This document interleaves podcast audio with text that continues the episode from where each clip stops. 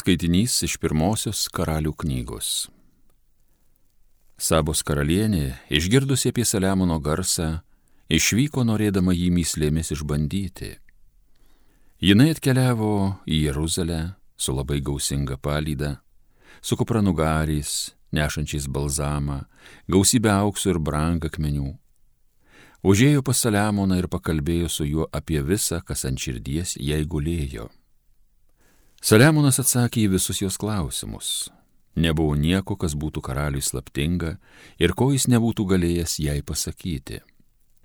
Dabar, kai Sabos karalienė pažino visą Saliamono išmintį, kai pamatė jo pastatytus rūmus, valgius ant jo stalo, jo valdininkų kėdes, tarnų patarnavimą ir jų aprangą, jo gėrimus ir atnašą, kurią jis aukojo viešpaties namuose, tada jai užėmė kvapą ji tarė karaliui. Ką savo šalyje buvau girdėjusi apie tave ir tavo išmintį, tai tikra teisybė. Aš to nenorėjau tikėti, kol į pati atvykau ir savo akimis pamačiau. Jie netgi nie pusės nebuvo man pranešta. Tavo išmintis ir kiti pranašumai pranoksta visą, ką buvau girdėjusi. Laimingi tavo vyrai, laimingi tie tavo tarnai, kurie visuomet pas tave stovi ir tavo išmintį girdi. Šlovėte būna viešpačiui tavo Dievui, kuris pamilo tave ir Izraelio sostą pasodino. Amžiams pamilęs Izraelį, viešpats paskyrė tave karaliumi, kad vykdytum teisę ir teisingumą. Ji padovanojo karaliui 120 talentų aukso, be to gausybę balzamo ir brangakmenių. Daugiau niekada nebebuvo atgabenta į šalį tiek balzamo, kiek Sabos karalienė dovanojo karaliui Saliamonui.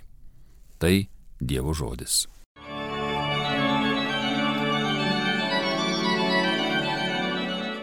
Teisuolių burna išminti skelbia. Viešpačiui savo likimą paveski, juo pasikliaukė, jis padarys, ko tau reikia. Tavo teisybė leis pasirodyti kaip dienai, kaip dienovidžio grožiui tavajai teisiai. Teisuolių burna išmintį skelbia. Teisuolio burna išmintį skelbia, liežuvis teisybę byloja, jo širdyje Dievo teisynas ir jis nesvyruodamas žengia. Teisuolio burna išmintį skelbia. Viešpats išgelbė teisiuosius ir saugo juos priespaudos metais. Viešpats juos gelbė, vaduoja, laisvina juos iš bedievių, kai jie prieglopščio ieško teisuolio burna išmintį skelbia. Alleluja, alleluja, alleluja.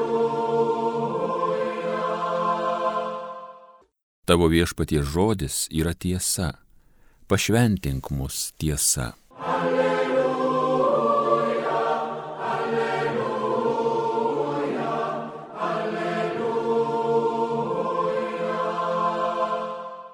Iš Evangelijos pagal Morku. Sušaukęs minę, Jėzus kalbėjo, paklausykite manęs visi ir supraskite, nėra nieko, kas iš lauko įėjęs į žmogų galėtų jį sutepti. Žmogus sutepa vien tai, kas iš žmogaus išeina. Kai sugrįžo nuo minios į namus, jo mokiniai ėmė klausinėti apie palyginimą. Jis sako, Nejaugi ir jūs nieko nesupratote? Argi neaišku jums, kad visa, kas ateina į žmogų iš lauko, negali jo suteršti, nes nepatenka į jo širdį, bet į vidurius ir išeina laukan. Taip jis paskelbė visus valgius esant švarius. Jis dar pasakė, žmogų suteršia vien tai, kas iš jo išeina Iš vidaus, iš žmonių širdies išeina pikti sumanimai, paleistuvystės, vagystės, žmogžudystės, svetimavimai, godumas, suktybės, klasta, begėdystės, pavydas, šmeištai, puikybė, neišmanimas. Visos tos blogybės išeina iš vidaus ir suteršia žmogų.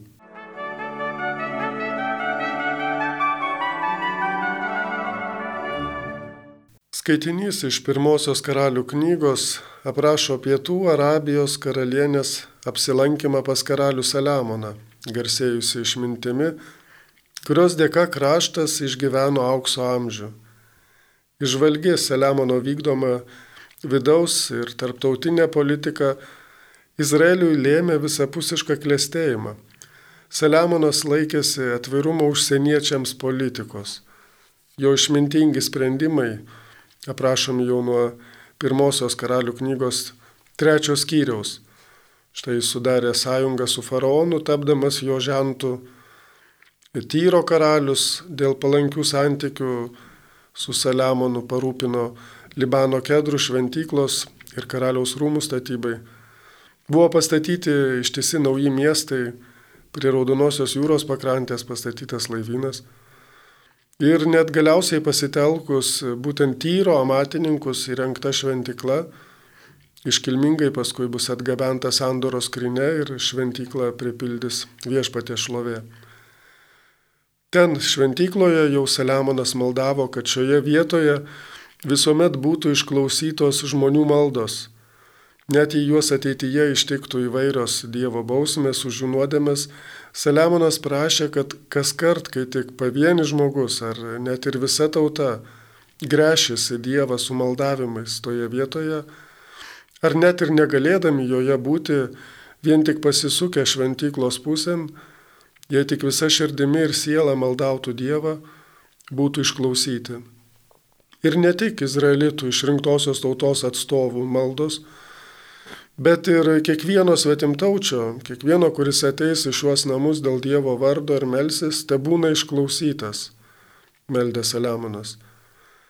Saliamonas garbino Dievą ne tik kaip tą, kuris yra jo tautos, tai yra Izraelio Dievas, bet kaip pasaulio Dievą, tą, kuris palankus visoms tautoms, kurio namai atviri visiems.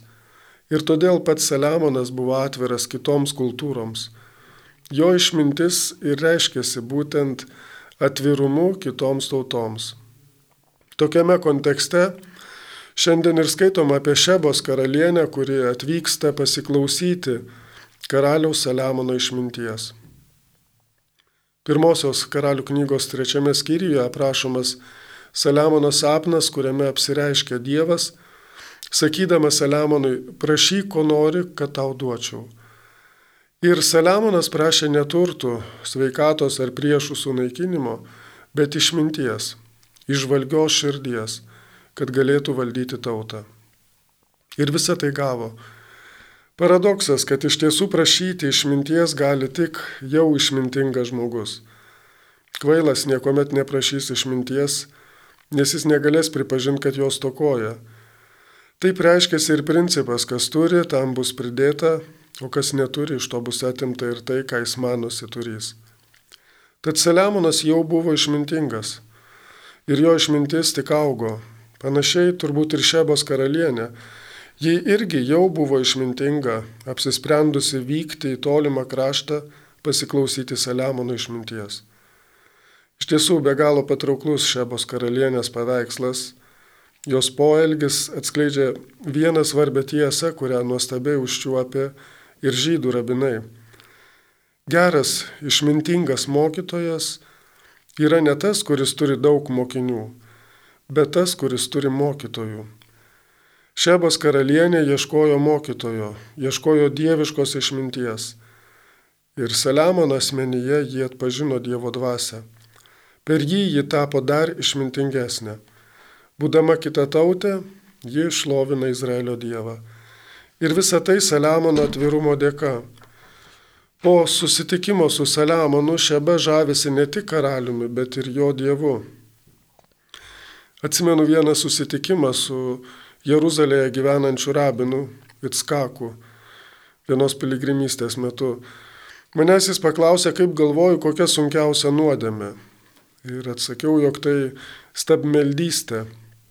Senajame testamente esame daugybės ištraukų aprašančių, kaip Dievas nuožmiai baudžia savo tautą už jos neištikimybę jam, pasiduodant stabų garbinimui. Neišvengs, aišku, šitos nuodėmės ir karalius Saliamonas, jau 11 karalių knygos skyriuje apie tai bus kalbama. Bet štai rabinas Itskakas man tada pasakė, Didžiausia nuodėmė yra tuo met, kai po susitikimo su tavimi kitas žmogus nenori nieko bendro turėti ne tik su tavimi, bet ir su tavo Dievu. Tęsiant šią mintį, didžiausia darybė bus tuo met, kai po susitikimo su tavimi kitas žmogus trokš ne tik susitikti su tavimi, bet ir su tavo Dievu. Norės pažinti tavo išminties šaltinį arba tiesiog bendrą žmogiškumo priežastį. Būtent toks yra aprašytoje ištraukoje Saliamonas. Dievo žmogui būdingas visų pirma bendras žmogiškumas, būdingas dialogas, ne tik su Dievu, bet ir su kiekvienu sutiktu žmogumi, net jei jis kitos kultūros ir kito tikėjimo. Dialoge vieni kitus praturtina, atrandamas bendražmogiškas gėris. Kuriantis bendravimas mus daro labiau žmonėmis.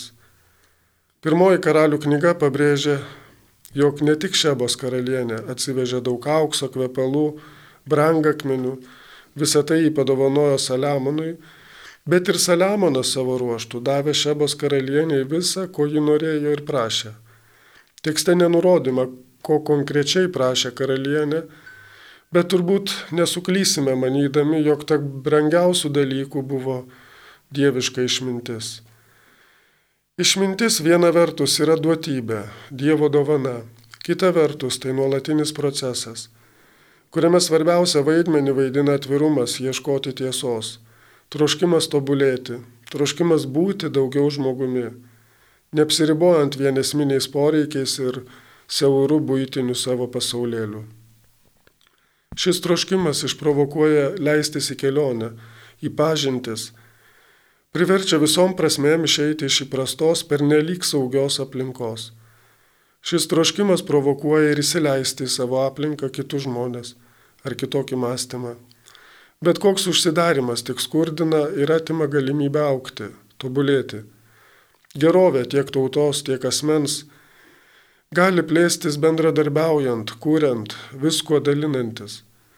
Priešingų atveju, kuomet uzurpuojama, primetama, savinamasi, mėginama visus suvienodinti, patenkama į savo pačių susikurtą getą, įkalinanti tarp savo pačių sienų.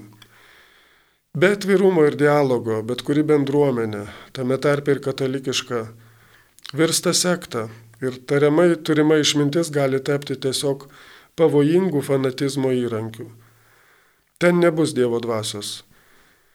Atvirumas ieškant išminties reikalingas ir šiandien, ir bažnyčiai, pasitikint Dievo dvasia, kuri veikia gyvame santykyje vieni su kitais. Šiandien kaip niekad atrodo tikėjimo kalba atrandama ne per teologinius traktatus, net ne per katekizmo tiesas, bet per bendražmogiškus dalykus, per tai, kas suprantama ne vien kažkokiai išprūsusiai grupiai, bet kiekvienam žmogui. Saliamonas, kaip pastebi pirmos karalių knygos penktasis skyrius, galėdavo kalbėti įvairiausiam temam. Apie medžius, apie gyvulius, paukščius ir žuvis. Jis gebėjo apjungti žmogiškąją išmintį su dieviškąją. Jis suprato, kad bendražmogiškosios vertybės turi tiesioginės įtakos Dievo atradimui. Apie Dievą šiandien ypač turime kalbėti bendražmogiškomis savokomis, kalbėti psichologijos, filosofijos, meno kalba, ieškoti to, kas padeda pažinti, kas neleidžia sustabarėti, kas leidžia kelti šių dienų žmogui aktualius klausimus, verčia ieškoti atsakymų, net jei jie nepatogus, sudėtingi ar kartais taip ir liekant tik su klausimu. Pripažįstant, kad kol kas vis dar nesame pajėgus kai kurių dalykų suprasti. Jei tik būtume atviresni, kiek daug išminties galėtume semtis iš vieni kitų pažinimo, kiek daug iš savęs atėmė krikščionybę, ignoravusi daugybę amžių judaizmą. O juk koks turtas yra tarp religinis dialogas. Jau minėtas rabinas Itskakas pasakojo, kaip įsitraukė į Liuterio raštus kaip jam įdomu buvo skaityti apie sąžinės sampratą. Tik įsivaizduokit, žydas, rabinas, skaito protestantiškus raštus ir juose atranda dieviškos išminties. Tai Saliamono atspindys. Jam duota ir todėl jis randa dar daugiau. Ir kiek laisvės reikia, kad ryštumės tokiam žingsniui. Tai ir Šebos karalienės atspindys. Troškimas pažinti dievišką išmintį, kuri reiškiasi ir už toros ribų. Išminti, kuri glūdi ir žydiškoje literatūroje, ir bažnyčios tėvų mokyme, ir turbūt net ir kitų religijų raštuose. Kaip skurdiname save atsiribodami vieni nuo kitų, net ir krikščionių tarpe, ir koks praturtinantis gali būti ekumeninis bendravimas tarp skirtingų krikščionių bažnyčių. Jau nekalbant apie visuomeninį ir politinį lygmenį. Netrūksta pasaulyje pavyzdžių, aiškiai parodančių, kaip atrodo užsidariusios nuo pasaulio tautos, mirkstančios savo pačių nacionalizmo raugę, palenkusios net religiją savo neišmanimui. Kaip trūksta Dievo dvasios, kaip trūksta dieviškos išminties. Jos nesant ir ima kerotis visą tai, apie ką girdėjome Evangelijos pagal Morkų ištraukoje. Visą tai, kas žmogų suteršia, kas daro jį mažiau žmogumi. Be Dievo dvasios, be Dievo išminties, be Dievo dovanojamos nuovokos liekame mažiau žmonėmis, jei ne iš vis nužmogėjame.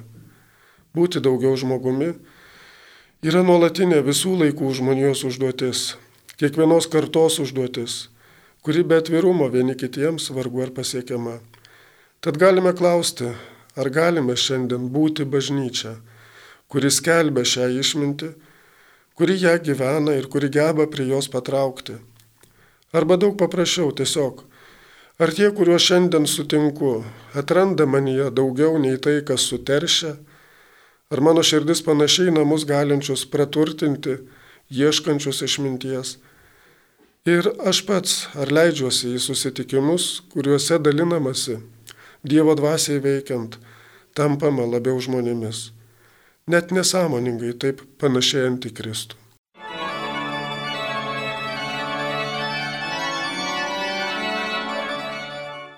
Homilija sakė kunigas Mozė Mitkevičius.